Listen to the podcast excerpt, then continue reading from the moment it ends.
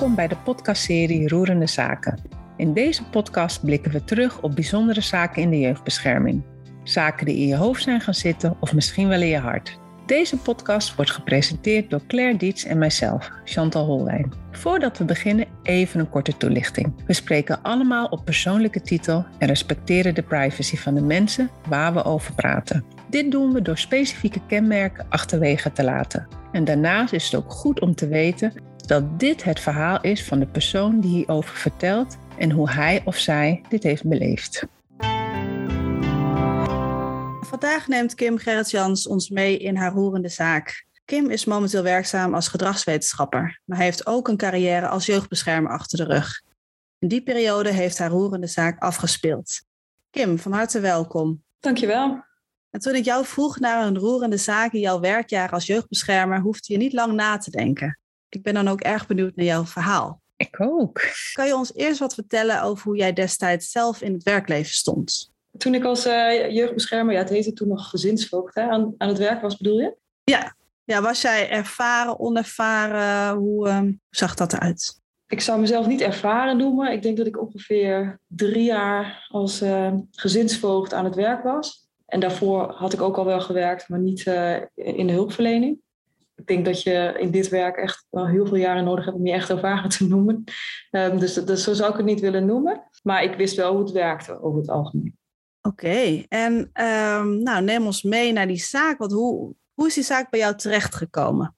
Het is een, een uh, onder toezichtstelling geweest die eigenlijk maar een jaar uh, heeft gelopen. Uh, het was voor mij de eerste keer dat ik met een puber ging werken. Ik had in mijn vorige werk vooral met jongere kinderen gewerkt. En de caseload tot dan toe had ook eigenlijk vooral uit jongere kinderen bestaan. Uitzondering daar gelaten. en dit was voor het eerst een, een puber. En ook iemand die uit een een GGZ-kliniek kwam. Zij was opgenomen geweest vanwege suicidale gedachten en automutilatie. En het was ook voor het eerst dat ik met die problematiek in aanraking kwam. En een puber, welke leeftijd moet ik dan denken? Zij was 14, 15 denk ik. 15 volgens mij net, ja. Wat was de aanleiding dat er een ondertoezichtstelling kwam? Ja, vanwege de, de zorgen over de problematiek die zij liet zien en dat ze zich niet goed liet aansturen. En dat er in de thuissituatie ook wel zorg was over of moeder het goed aan zou kunnen met haar. En daarop is door de raad destijds bedacht dat er een uh, ondertoezichtstelling ondersteunend zou kunnen zijn in het proces, wat eigenlijk al heel positief gaande was. En Kim, en wat in deze zaak heeft jou zo geroerd? Nou, twee dingen. Ik denk uh, nou, eigenlijk één ding, want er is een heel uh, heftige ja, situatie heeft zich voorgedaan. Dat heeft heel veel impact gehad op, op mij op dat moment. En dat had alles te maken met mijn ook alles te maken met persoonlijke omstandigheden, maar zeker ook met uh, het incident dat zich heeft voortgedaan. Dus het is eigenlijk tweeledig. Kan je ons wat meer vertellen wat zich dan heeft voortgedaan? Want je zegt het is een jaar een ondertoezichtstelling geweest. Ja, ik heb een jaar uh, dit meisje en haar moeder begeleid. Geprobeerd om hen ook toen zij weer thuis woonde nog toe te leiden naar hulpverlening. Was voor haar ook belangrijk dat ze nog wel heel betrokken bleef. En ook richting school en in de sociale contacten geprobeerd om dat in goede banen te leiden. En eigenlijk ging dat best wel heel positief. En dat betekent dat je dan na een jaar evalueren of uh, maatregelen voortzetten of niet. En we hebben er toen uh, in overleg voor gekozen om, dat, uh, om de maatregelen na een jaar eigenlijk al te beëindigen. Omdat het in onze optiek goed genoeg was. Het is ook toen voorgelegd aan de raad en getoetst.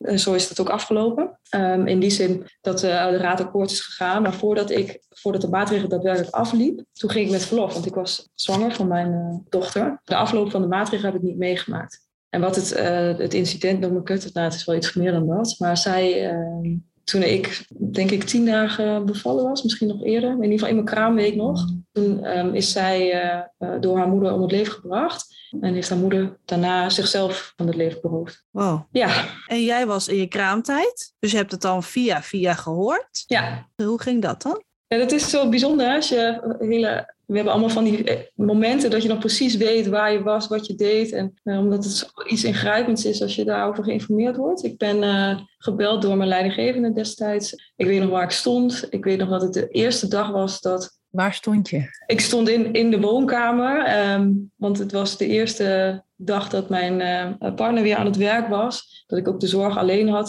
zeg maar. Dat je weer, dus dat was in de eerste week. Ik stond in de woonkamer en de telefoon ging. Ik zag dat het mijn leidinggevende was. En dan ben je nog kraamweek. Dus ik dacht ook, oh, die belt vanwege... Felicitatie. De baby, ja. Uh, maar die belde dus voor heel wat anders. En uh, ik heb volgens mij ook niks meer kunnen uitbrengen. Ik weet, het is heel bizar is dat geweest op dat moment. Ja.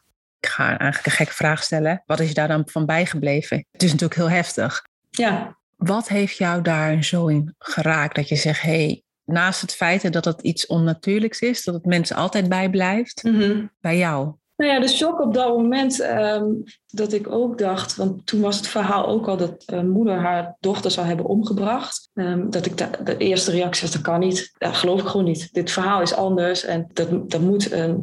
Nee, dat kan niet. Ik had allerlei scenario's, maar niet. Een moeder eh, brengt niet haar eigen kind om. Hè? Dat in eerste instantie. Het was eigenlijk op het punt dat je het zou afgerond worden onder toezichtstelling. Dus je denkt eigenlijk, hé, hey, deze moeder kan het met haar dochter. Ja, dus dat is ook, eh, en dat is denk ik niet wat op dat moment allemaal door mijn hoofd ging. Op dat moment was ik gewoon echt helemaal in shock. Ik denk ook eh, dat hormonen dan niet helemaal meewerken, maar volgens mij kan je dat sowieso niet goed handelen op zo'n moment. Wat heb je gedaan op dat moment, nadat je dat hoorde? Volgens mij ben ik op de grond eh, gaan zitten of zo. Dat, ik, dat kan me nog herinneren. En dat ik dacht, oh, ik moet mijn partner bellen. Die kon ik niet bereiken. En die eh, heb ik uiteindelijk, ik weet niet hoe, maar kreeg ik volgens mij zijn leidinggevende aan de lijn of zo. Maar ik was zo overstuur, ik kon helemaal niks uitbrengen. Dus we hadden wel door van, oh, er gaat iets niet goed. Maar in eerste instantie was dat natuurlijk ook wat, is iets met de baby of zo. Dus uiteindelijk eh, had hij wel door dat er iets anders aan de hand was. En toen is hij ook gekomen. Maar ik was echt gewoon helemaal van de kaart. En, ehm, want weet je, ook in het gesprek, de luisteraars zien jou niet, wij zien je wel. Je bent een beetje aan het zoeken. Hoor je zeggen, hè? de hormonen speelden van alles. Als we nog even terug kunnen naar dat moment. Eh, je hebt afgesloten. Kan je het nog misschien oproepen hoe je naar jezelf keek op dat moment Op het moment van de boodschap bedoel je? Of op het moment van eh, afsluiten? van de boodschap? Dat ik naar mezelf keek, dat kan me niet zo herinneren. Maar wel dat je gewoon dat absolute ongeloof. Of die, het is eigenlijk shock, hè? Alsof je gewoon helemaal even zoiets wat je niet verwacht. Zo onverwacht, zo heftig. Mijn eigen kindje ligt daar. Aan alle kanten was het gewoon ongelooflijk. Kwam er ook verantwoordelijkheidsgevoel omhoog? Ik denk dat dat wat later kwam, omdat ik op dat moment ook nog echt zo in, in de veronderstelling was van, nou, dit, dat heeft mijn moeder niet gedaan, hè? dat kan niet. Toen voor mij duidelijker werd dat dat wel het verhaal werd, en dat is wel in de loop van de, van de dagen geweest. Toen kwam veel meer ook verantwoordelijkheidsgevoel, schuldgevoel. Hoe moet ik hier invulling aan geven? Wat is mijn, mijn positie ook hierin? Er gaan meer dingen lopen als zoiets gebeurt. Ook al hadden wij feitelijk toen geen betrokkenheid meer. Hè, maar er, komt dan, er kwam politieonderzoek. Die komen ook eh, bij jou praten. Er komt een inspectiemelding. Dus die verantwoordelijkheid die kwam pas later op gang. In de eerste aanleg was het vooral shock en eh, ongeloof. Jeetje. Ja. En jij zegt dat kwam met de dagen, werd het duidelijker hoe dat toch is ge- gebeurd. Mhm. Kan je ons daar iets over vertellen? Ja, toen bleek wel dat, dat, nou ja, dan is het een beetje de kracht van de herhaling van het verhaal, dat dat, dat het meest aannemelijke scenario is geweest. Eh, en dat politie dat ook eh, bevestigde. Politie is, is toen, eh, hebben bij mij thuis toen, nou, alsof je verdachte bent, dat was het niet, maar het voelde wel heel ingewikkeld. Maar we hebben wel geprobeerd om zoveel mogelijk dat verhaal eh, en ook de voorgeschiedenis in beeld te krijgen. En kwamen dan bij mij daarover praten. En dan, toen werd wel duidelijker dat het dus echt wel het scenario was zoals het dan geschetst werd. En dan moet je er, dan moet je er wel aan of zo. Maar het, is, Kon jij dat op een gegeven moment accepteren, dat dat dan ook het verhaal was? het was zo. Maar ik denk eigenlijk, en daarom loopt die zaak, ik denk ook daarom ook deels altijd meegelopen, dat je dat accepteren echt van dat dit zo is gegaan, dat dat wel nog langer heeft geduurd. En dan heb ik het echt niet over weken, maar gewoon echt maanden en misschien wel nog langer daarna. Want heb je dingen gemerkt? In die, in die casus bedoel je toen, het, toen die nog liep? Ja, achteraf hè, kijk het natuurlijk niet op dat moment, maar Nee, achteraf wel dat je denkt, oké, ik, ik wist dat haar draag, last, zoals we dat zeggen, niet altijd in balans was. Ik wist dat zij heel veel financiële stress had. Eh, wat ik dacht op dat moment dat beter was, maar achteraf gezien blijkt dat dan niet zo te zijn. Inmiddels ben ik daardoor ook veel alerter, denk ik, op financiële stress als factor voor eh, allerlei risico's, zeg maar. Dat je gewoon ook wel weet hoe zwaar dat me heeft meegewogen in deze casus. Tenminste, dat veronderstel ik dan. Het hele verhaal weet natuurlijk nooit, want zij kan het niet meer vertellen. ze zijn er niet meer. Nee, dus dat zijn wel de dingen. Um, maar ik denk, ik heb niet op die manier signalen gehad dat ik dit scenario had kunnen voorzien. En dat, dat heb ik ook altijd voor mezelf helder gehad. Want als dat anders was geweest, dan had ik het nog moeilijker mee gehad, denk ik.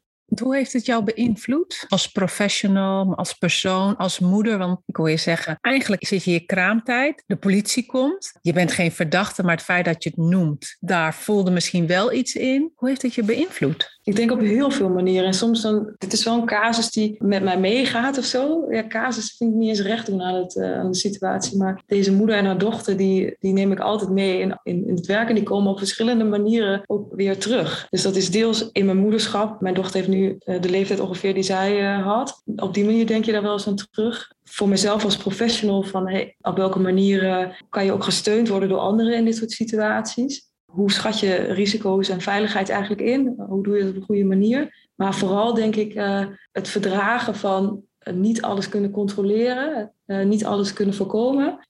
dat is denk ik de grootste, als je van een les wil spreken, maar vind ik tot op heden het meest waardevolle wat ik, als je dat zo mag zeggen, daarin ook meeneem voor mezelf. En hoe doe je dat dan, het kunnen verdragen? Ja, en dan kom je op het accepteren. Dus dan gaat het om het accepteren dat je, dat je dus soms situaties hebt die niet voorzienbaar zijn. En dan doe je met al je inzet en al je deskundigheid en al je trokkenheid en nou ja, zoals we allemaal geleerd hebben om te werken met elkaar. En dan nog kunnen er dus dingen fout gaan. En dan is dit een heel extreem voorbeeld. Maar we komen dat nog steeds tegen in ons werk, dat dat een, een lastige is. En aan de andere kant is het nodig om dat te kunnen. Alleen de maatschappij, dan moet ik het dan maar even breed. Ik vind dat een ingewikkelde als we dat ook aangeven dat dat zou moeten. Hè? Want eigenlijk worden we geacht om alles... Het is moeilijk te accepteren. Zeker. Als samenleving. ja, daar is het ook. En we worden ook geacht om alles te voorkomen. Uh, we zijn niet voor niks jeugdbeschermer of gezinsvoogd destijds we weten ook allemaal de mechanismen op het moment dat er wat gebeurt, dan, wat, wat dan de, de, regelreflexen zijn. En, maar ik denk dat we ook met elkaar, en dat is misschien nu actueler dan ooit, het gesprek moeten voeren over verdragen. En dat we dat ook met elkaar moeten doen. En ik denk dat ik dat ook nu heel belangrijk vind om mee te nemen in het werk, of dat ook wel doe en uitdraag. Dat je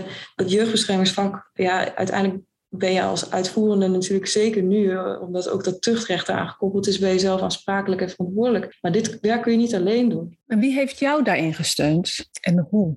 Ja, dat is wel een mooie vraag eh, eigenlijk. Want ik heb daar later wel op teruggekeken dat ik dacht, ik heb eh, steun gehad van mensen uit onverwachte hoek. Ik heb ook wel echt leren waarderen van de mensen die er dan op dat moment voor je zijn. Maar ik heb ook wel mensen gemist. Um, en dan bedoel ik niet zozeer mijn, uh, ja, misschien ook deels privéomgeving, die echt niet kunnen snappen wat er nou eigenlijk gebeurd is, maar ook in mijn werk wel. Wat miste je dan precies? Wat, had je nodig gehad? Ja, ik denk dat ik um, het fijn had gevonden dat je dit soort zaken roept bij mensen altijd ook hun eigen uh, ervaringen op. Maar daar kon ik helemaal niks mee. Dus mensen die dat gingen delen, met alle respect voor mijn teamleider van toen, maar dat vond ik heel ingewikkeld. Want eigenlijk had ik alleen maar backup nodig um, en, en, steun in, uh, we helpen je hier doorheen. En ik, ik vond het toen heel fijn dat iemand uit mijn team bijvoorbeeld bij dat gesprek, met, dat heb ik niet gevraagd, maar, maar zover was ik helemaal niet. Maar die zei van, joh, als je dat gesprek gaat hebben, dan ben ik erbij. Uh, bij. dus dat dan iemand gewoon naast je zit en uh, je daarin in steunt. En ik heb dat vanuit het team wat meer ervaren. Maar ik heb ook wel de managementlaag of daarboven wel wat in gemist. Je zegt ook, het komt uit onverwachte hoek. Heb ik juist steun gehad. Maar waar zat dat in? Nou, dat je toch mensen die je dan, uh, die weten dat je bij die dat je bij de situatie betrokken was, ja, dat, dat, dat, dat, dat je daar een rol in hebt gehad. Dat je dan in, in één keer kreeg ik vanuit keten, uh, noem het dan, hè, maar vanuit ketenpartner uh, kreeg ik post. Nou, nou, met sterkte. En dat, is, dat vond ik zo bijzonder. Um, en ook al vanuit andere teams hoor. Er is best wel veel um, een reactie op geweest. Mm -hmm. uh, maar dat, dat hielp wel heel erg. Maar vooral dat je ook ja, mensen daarbuiten nog die dan toch dit meekrijgen. Ja, en daar dan wat mee doen, vond ik heel, heel steunend. En thuis? Je was net moeder. Ja, dat is denk ik prettig dat een partner had die uh, ook uh, wel hulpverlening kende. Dus in die zin um, is dat fijn om wel daarin steun te krijgen. Ik denk dat um, ja, mensen in mijn omgeving het wel wat lastiger was. Want die komen nog op kraambezoek. Maar ik was daarin heel ook wel emotioneel, maar vanwege andere redenen, zeg maar. Je dacht de kraamtranen, maar er speelde wat anders. Ja, en dat heb ik ook niet met iedereen gedeeld. Um, Want hoe heb je kunnen genieten? Heb je kunnen genieten van je kraamperiode alsnog? Jawel. Uiteindelijk, um, denk want dit, het was niet uh, op de eerste dag. En uh, heb ik daarna ook wel, natuurlijk nam ik het wel mee, maar ik, ik kon het ook wel weer wat loslaten. En dan heb je weer focus op het kindje en dan is het ook weer wat, dan kan je het wel weer wat laten. Dus nee, dat is uiteindelijk wel gelukt hoor. En je zegt eigenlijk van ik neem het nu nog steeds uh, mee, wel privé als in je werk. Je zegt hele mooie dingen, hè? Dat, dat extra bewustzijn, ook uh, signalen, financiële stress, et cetera. En met privé neem je het ook mee, zeg je van je linkt het natuurlijk ook aan je dochter. Ja. Hoe bedoel je dat dan verder? Hoe je dat mee, mee hebt genomen of meeneemt? Nou, dat ik, uh, ja, wat ik zeg, op verschillende momenten ook, dat je er weer mee, op een andere manier mee geconfronteerd wordt. Ik heb zelf ook een periode gehad waarin ik wat minder in mijn vel zat. En dat ik denk, oh, wat, wat moet jij uh, als moeder naar moeder, hè? Wat, wat, moet je het zwaar hebben gehad dat je tot zo'n beslissing overgaat, omdat je dan het idee hebt dat je hiermee je problemen oplost. Want zo heb ik het voor mezelf. Je zoekt een, een soort van narratief, noem het, in deze situatie. En ik heb voor mezelf bij haar bedacht, zij vond het zo ingewikkeld, zo zwaar, kon het niet meer volbrengen en wilde niet dat haar dochter alleen achterbleef. Mm Jeetje, wat een, ook moederliefde, maar ook wat een wat een leed heb je gehad? Of wat, een, wat, is het, wat moet dat zwaar en alleen en voor je geweest zijn? En hoe belangrijk het dan ook is dat je steunende mensen om je heen kan hebben. Ben je ook boos geweest op deze moeder? Nee. Nee, ik denk dat ik uh, in het begin vooral ongeloof uh, en shock, maar daarna vooral ook compassie heb gehad voor deze vrouw. En nee, ik denk dat je nee, boos ben ik niet geweest. Dat dat ook niet, daar kan je niets mee of zo. Want als je, als je dit, dit is geen opzet geweest in die zin dat je, het is geen slecht mens waar je boos op moet zijn. Moet ik het zo zeggen? Ja, ik weet niet zo goed. Je zegt net ook van het was gewoon moederliefde, hoor ik jou zeggen. Ja. Ja, omdat ze dachten, mijn dochter kan niet alleen achterblijven. Ik red het niet meer, ik trek het niet meer, ik hou dit niet vol. Ik, het lukt mij niet. Zo, zo toch, toch veel depressiever dan ik ooit heb kunnen inschatten. Um, als ik het al ingeschat had, want dat had ik niet. Maar dan inderdaad van, nou, ik kan mijn dochter niet alleen achterlaten en dan tot zo'n beslissing komen. Want, want waren er mensen in het netwerk van uh, moeder en dochter ja, ik denk dat het toen mijn focus in ieder geval niet heel breed was. Ik wist wel, ik heb wel genogram uh, toen uitgevraagd, maar ik mijn beeld was dat zij heel erg alleen waren. En dat moeder heel erg alleen hield. Dus vrij teruggetrokken, geïsoleerd. En uh, ja, dus er was echt weinig steun voor haar. Als je dan na de hand ziet wie er allemaal op begrafenissen aanwezig is, dan denk je, er is veel meer geweest. Maar dat was op dat moment niet, waren geen mensen waar zij steun aan ondervindt. Deze, ondervond. Deze vrouw stond naar mijn idee vrij alleen of plaatste zich alleen. En nu in, eh, je bent gedragswetenschapper en je zegt mm-hmm. ook, uh, ik ben alert erop. Ook wat uh, ja, financiële tekortkomingen, wat dat voor impact kan hebben. Mm-hmm. Hoe alert ben je er nu op? Daar bedoel ik, sla je door of is het gedoseerd? Ja, ik denk altijd wel dat ik... Uh, misschien is er wel een periode geweest, dat je, net als dat je wel eens een training volgt... dat je dan een soort hyperfocus hebt op bepaalde dingen. Dat, dat zal wel een tijdje zo geweest zijn. Maar niet dat ik dacht, goh, iedereen met uh, financiële stress... Die, uh, die heeft depressieve gedachten. Maar ik denk wel meer bewustzijn. Maar op die manier dus de stressoren in het leven... maar ook het, juist ook het netwerk, wat, hoe belangrijk dat is... En als dat ontbreekt. Ik denk dat dat wel eh, dingen zijn die nu heel bewust meenemen. En wat ik al eerder noemde, dat met elkaar verdragen van onzekerheden, dat ook. Als we dan met elkaar dus een, een, andere afslag neigen te nemen, laten we daar dan een soort commitment met elkaar op hebben. Dat als je risico's neemt, dat je die met elkaar neemt. Dat we niet naar de hand ook, want dat die heb ik nooit gehad hoor. Dat er uh, naar mij is verwijten zijn gemaakt of dat ik uh, beschuldigd werd bevonden in de ogen van mensen. Dat heb ik niet zo ervaren, gelukkig. Maar ik wil dat ook voor niemand in dit werk. Maar voelde je het? Los van dat mensen zo naar je keken, maar voor jezelf? Ik denk dat je ergens altijd een klein, um, ja, dat is, kan je niet helemaal weghalen. Want ik weet dat ik niet verantwoordelijk ben. Ik weet dat ik niet schuldig ben. Maar je bent wel onderdeel geweest van een heel uh, traject. En ergens zit er dan altijd iets in je dat je dit had moeten zien of voorkomen. Dat, dat blijft een beetje knagen. En dat is in het begin denk ik sterker geweest. En dat is nu niet zo. En dat, en dat weet ik ook. En toch blijft er altijd iets zitten van ja, je was er wel. Dus waarom heb je dit niet gezien? En op welke manier ben jij voor hen van betekenis geweest? Want je bent toch een tijdje betrokken geweest. Ik denk dat ik dat hoop ik, uh, dat ik wel uh, heb kunnen bijdragen aan nou, deel van de rust in die thuissituatie. Ook wel geprobeerd heb om juist ook wat financiële stress weg te nemen door een aantal acties. En te kijken naar hoe kan dit meisje toch ook gezien haar leeftijd de ontwikkelingstaken waar zij voor stond, dus richting school en de gewone jeugddingen ook oppakken. En zorgen dat zij toch een bepaalde nou ja, ondersteuning nog had voor zichzelf. Dus ik ben wel zelf tevreden over hoe dat traject op zich is verlopen dat jaar. Ik had niet anders ook met, met de kennis van nu, had ik niet anders uh, kunnen doen dan hoe ik het heb gedaan. Uh, ook de beslissing om het af te sluiten, dat, daar kijk ik uh, ja, goed op terug, gerust op terug.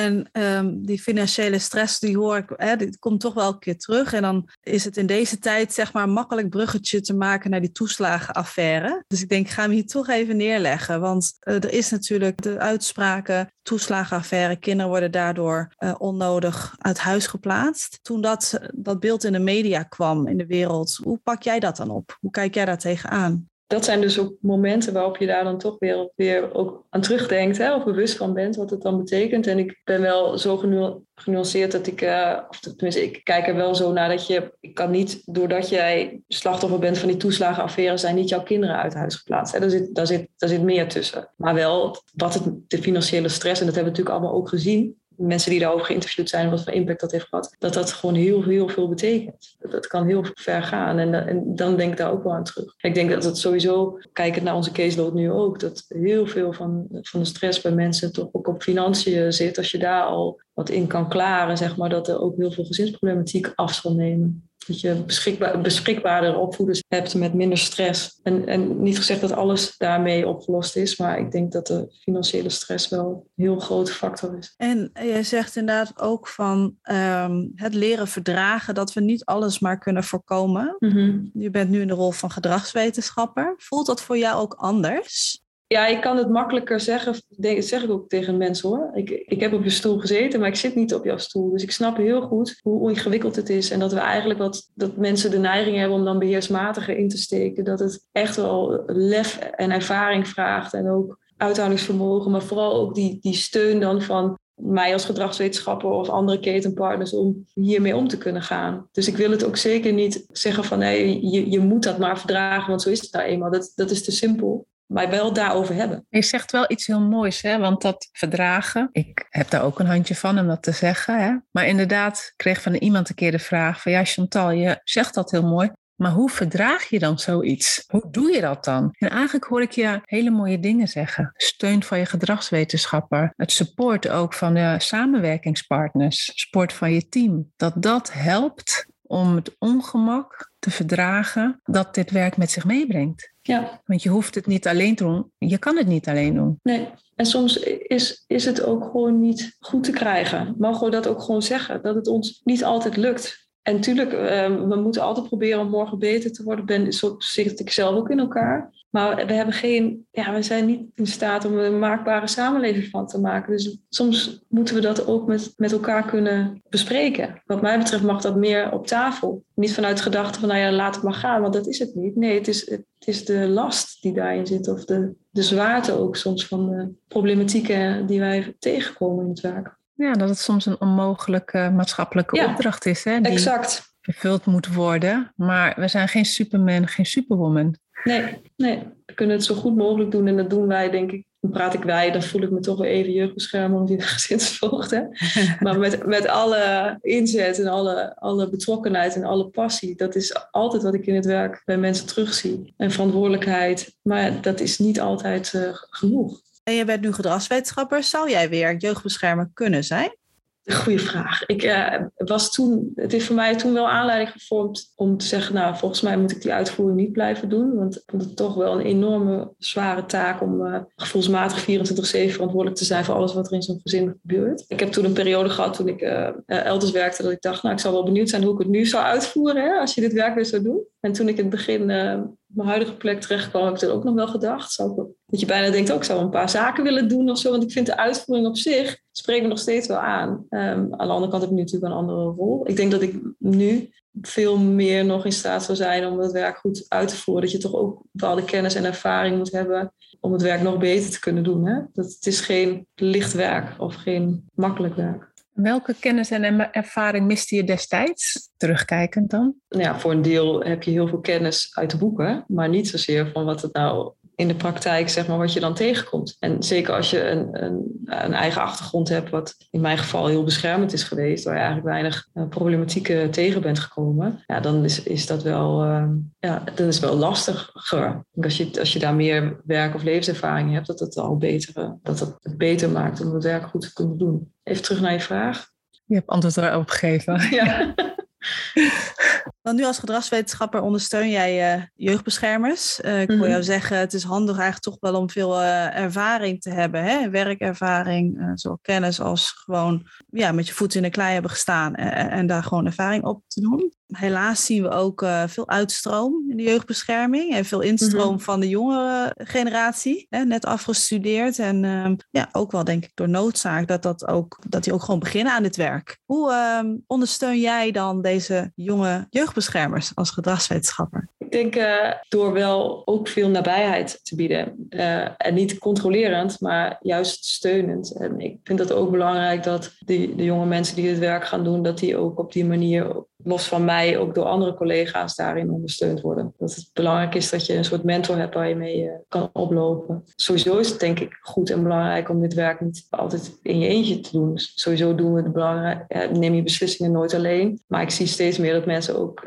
in duo's werken. Ik denk dat dat, en dat stimuleer ik ook, ook heel belangrijk is om uh, met elkaar verantwoordelijkheid, maar ook uh, inschattingen te kunnen maken. Vind je dat daar de jeugdbescherming zeg maar, als werk of als vak meer volwassen is geworden dan, dan zeg maar even in de periode dat jij nog gezinsvoogd jeugdbeschermer was? Ja, ik vind dat als ik kijk naar hoe het begon en hoe we het nu hebben ingericht, dat ik denk dat we het wel veel verder geprofessionaliseerd hebben. Ook veel de besluitvormingen, de, het opvolgen van de casuïstieken, de besprekingen, de risicotaxaties, dat dat veel zorgvuldiger nog is ingericht. En niet dat het toen niet zorgvuldig gebeurde, maar ja, vanuit het idee, het kan altijd beter, dat daar veel in ontwikkeld is om het zo goed mogelijk te doen. We hebben veel wetenschappelijke kennis die we nu kunnen benutten daarbij. Ook belangrijk is om te doen. Daarnaast de praktijkervaring. Ja, ik denk dat dat uh, wel belangrijke ontwikkelingen zijn geweest. Als ik kijk naar uh, het begin van uh, mijn werkzame leven. En als ik nog heel even terug kan hè, naar het moment hè, dat je dat bericht kreeg. Eigenlijk had je al afscheid genomen. Hè? Je was uh, zwanger, een babytje gekregen. Hoe heb jij daarna nog afscheid voor de laatste keer genomen? Ik heb toen gedacht, ga ik naar die uitvaart toe of niet? Dat heb ik niet gedaan, omdat ik toen wel onzeker was over hoe, hoe word ik daar ontvangen. Dus zo heb ik heb voor mezelf toen wel uh, daarbij stilgestaan. Wat ik heb gedaan, ik heb ook nog met een, een familielid, volgens mij twee momenten daarna nog contact gehad. Om toch ook wat dingen door te praten, omdat zij ook vragen hadden. En dat hielp mij ook wel. In het accepteren dat niemand dit had gezien en niemand had zien aankomen. Wat voor vragen hadden ze dan? Zij waren benieuwd naar, uh, ja, niet zozeer van goh, hoe kan het nou of zo, maar meer hoe, hoe is die periode verlopen? Wat kun je nog over hun vertellen? Hoe heb jij ze ervaren? Maar vooral ook, denk ik, delen van. Uh, ja, hun eigen verdriet daarin. Van we hebben het niet gezien. En dat je toch met elkaar dat verdriet kan bespreken of zo. En dat vond ik wel heel, nou ja, ook wel dankbaar en bijzonder dat ze daar zo open met me over in gesprek uh, wilden. Dat heeft mij ook wel geholpen. Ik heb ook een periode nog jaarlijks naar deze familie uh, een kaart gestuurd op de sterfdag. En de sterfdag is nog altijd een dag, die, zit, die, die, kan ik, ja, die weet ik gewoon. Dus ik brand altijd een kaars op haar sterfdag en van haar moeder. En zeg je dan nog ook iets? Of brand je hem? Wat roept het dan bij je op? Het stilstaan even bij, uh, weet je, het is, het is goed en ik hoop dat je je rust hebt of zo. Dat, dat idee. En dat, dat voel ik ook als ik langs de plek rij waar moeder zichzelf uh, van het leven heeft beroofd. Want ik weet waar het is. Dat, uh, daar sta ik er ook even bij stil. En letterlijk ook. Ik kan er nooit zo langs gaan. Op die manier blijft het gewoon wel meelopen. En ik vind het ook goed om dat te doen. En ook uit respect en, en waardering voor de mensen die ze waren. Mooi. Hoe kijk je terug naar deze moeder en deze dochter? Ja, ik, als ik aan de dochter denk, dan denk ik, ach, je hebt nooit een kans gehad of zo. En dat vind ik dan, uh, ja, je wilt dat elke jongere gewoon zijn weg in het leven, ja, je staat nog, alles staat nog open en die, die kans heb jij nooit gehad. Dat, dat stemt verdrietig. En naar deze moeder vooral compassie, wat ik eerder ook al aangaf. Dat ik denk als je tot zo'n beslissing overgaat, wat een last, maar ook wat een liefde heb je dan gehad, ook voor je kind. Zo kan ik het wel, zo zie ik het ook. Hoe heftig die daad ook is. Hoe was de liefde tussen hun in de tijd van de begeleiding? Ik zag moeder altijd vanuit heel veel zorg uh, voor haar dochter handelen. Dus uit, uit bezorgdheid. Ik denk dat daar ook iets van herkenning in zit. Ik ben ook wel een, zorgzame ouder of zo. Ik, ik voel wel met haar en ik zag ook haar, haar onmacht wel. En ondertussen zie je een puber die zijn eigen stappen wil zetten. En die nou ja, op zoek is naar autonomie. Dat ook wat aan het bevechten is. Maar dat er ook wel echt een band was tussen die twee. Ik vond dat... Uh, ik kan me nog zo van die, ja, van die blikken herinneren dan zaten ze niet letterlijk naast elkaar, want dat was dan soms wel ingewikkeld. Maar er was wel altijd verbinding. En dat, dat kan ik me nog wel herinneren. En dat vind ik ook een mooi beeld om vast te houden. Ik vind het ook mooi dat je ook zo vol compassie, want ja, dat straal je ook uit, terugkijkt. Zonder oordeel. Ja. ja met de tragiek van het leven. Ja, en ik denk dat dat, ik niet veroordelen. Natuurlijk heb je wel misschien een, iets van een oordeel, maar niet veroordelend. En ik probeer het ook zo waardevrij mogelijk te doen. Maar ik voel het ook, wat je zegt, ik voel het ook echt wel zo. Het is ook misschien deels een proces geweest. Aan de andere kant, denk, wie ben ik om uh, iets, iets van haar te vinden op die manier? Want ik ben haar niet. Wat zou jij andere professionals mee willen geven omtrent deze, ja, jouw ervaringen rondom deze situatie? Nou ja, doe het nooit alleen en laat, laat, ook, laat een ander niet alleen. Hè? Dat samen, of dat nou is met netwerk werken of met je collega's of de beslissingen die je neemt, niet alleen. Ik denk dat dat de belangrijkste boodschap is. En, uh, en misschien ook wel ergens een mens is meer dan de daden. Mooi.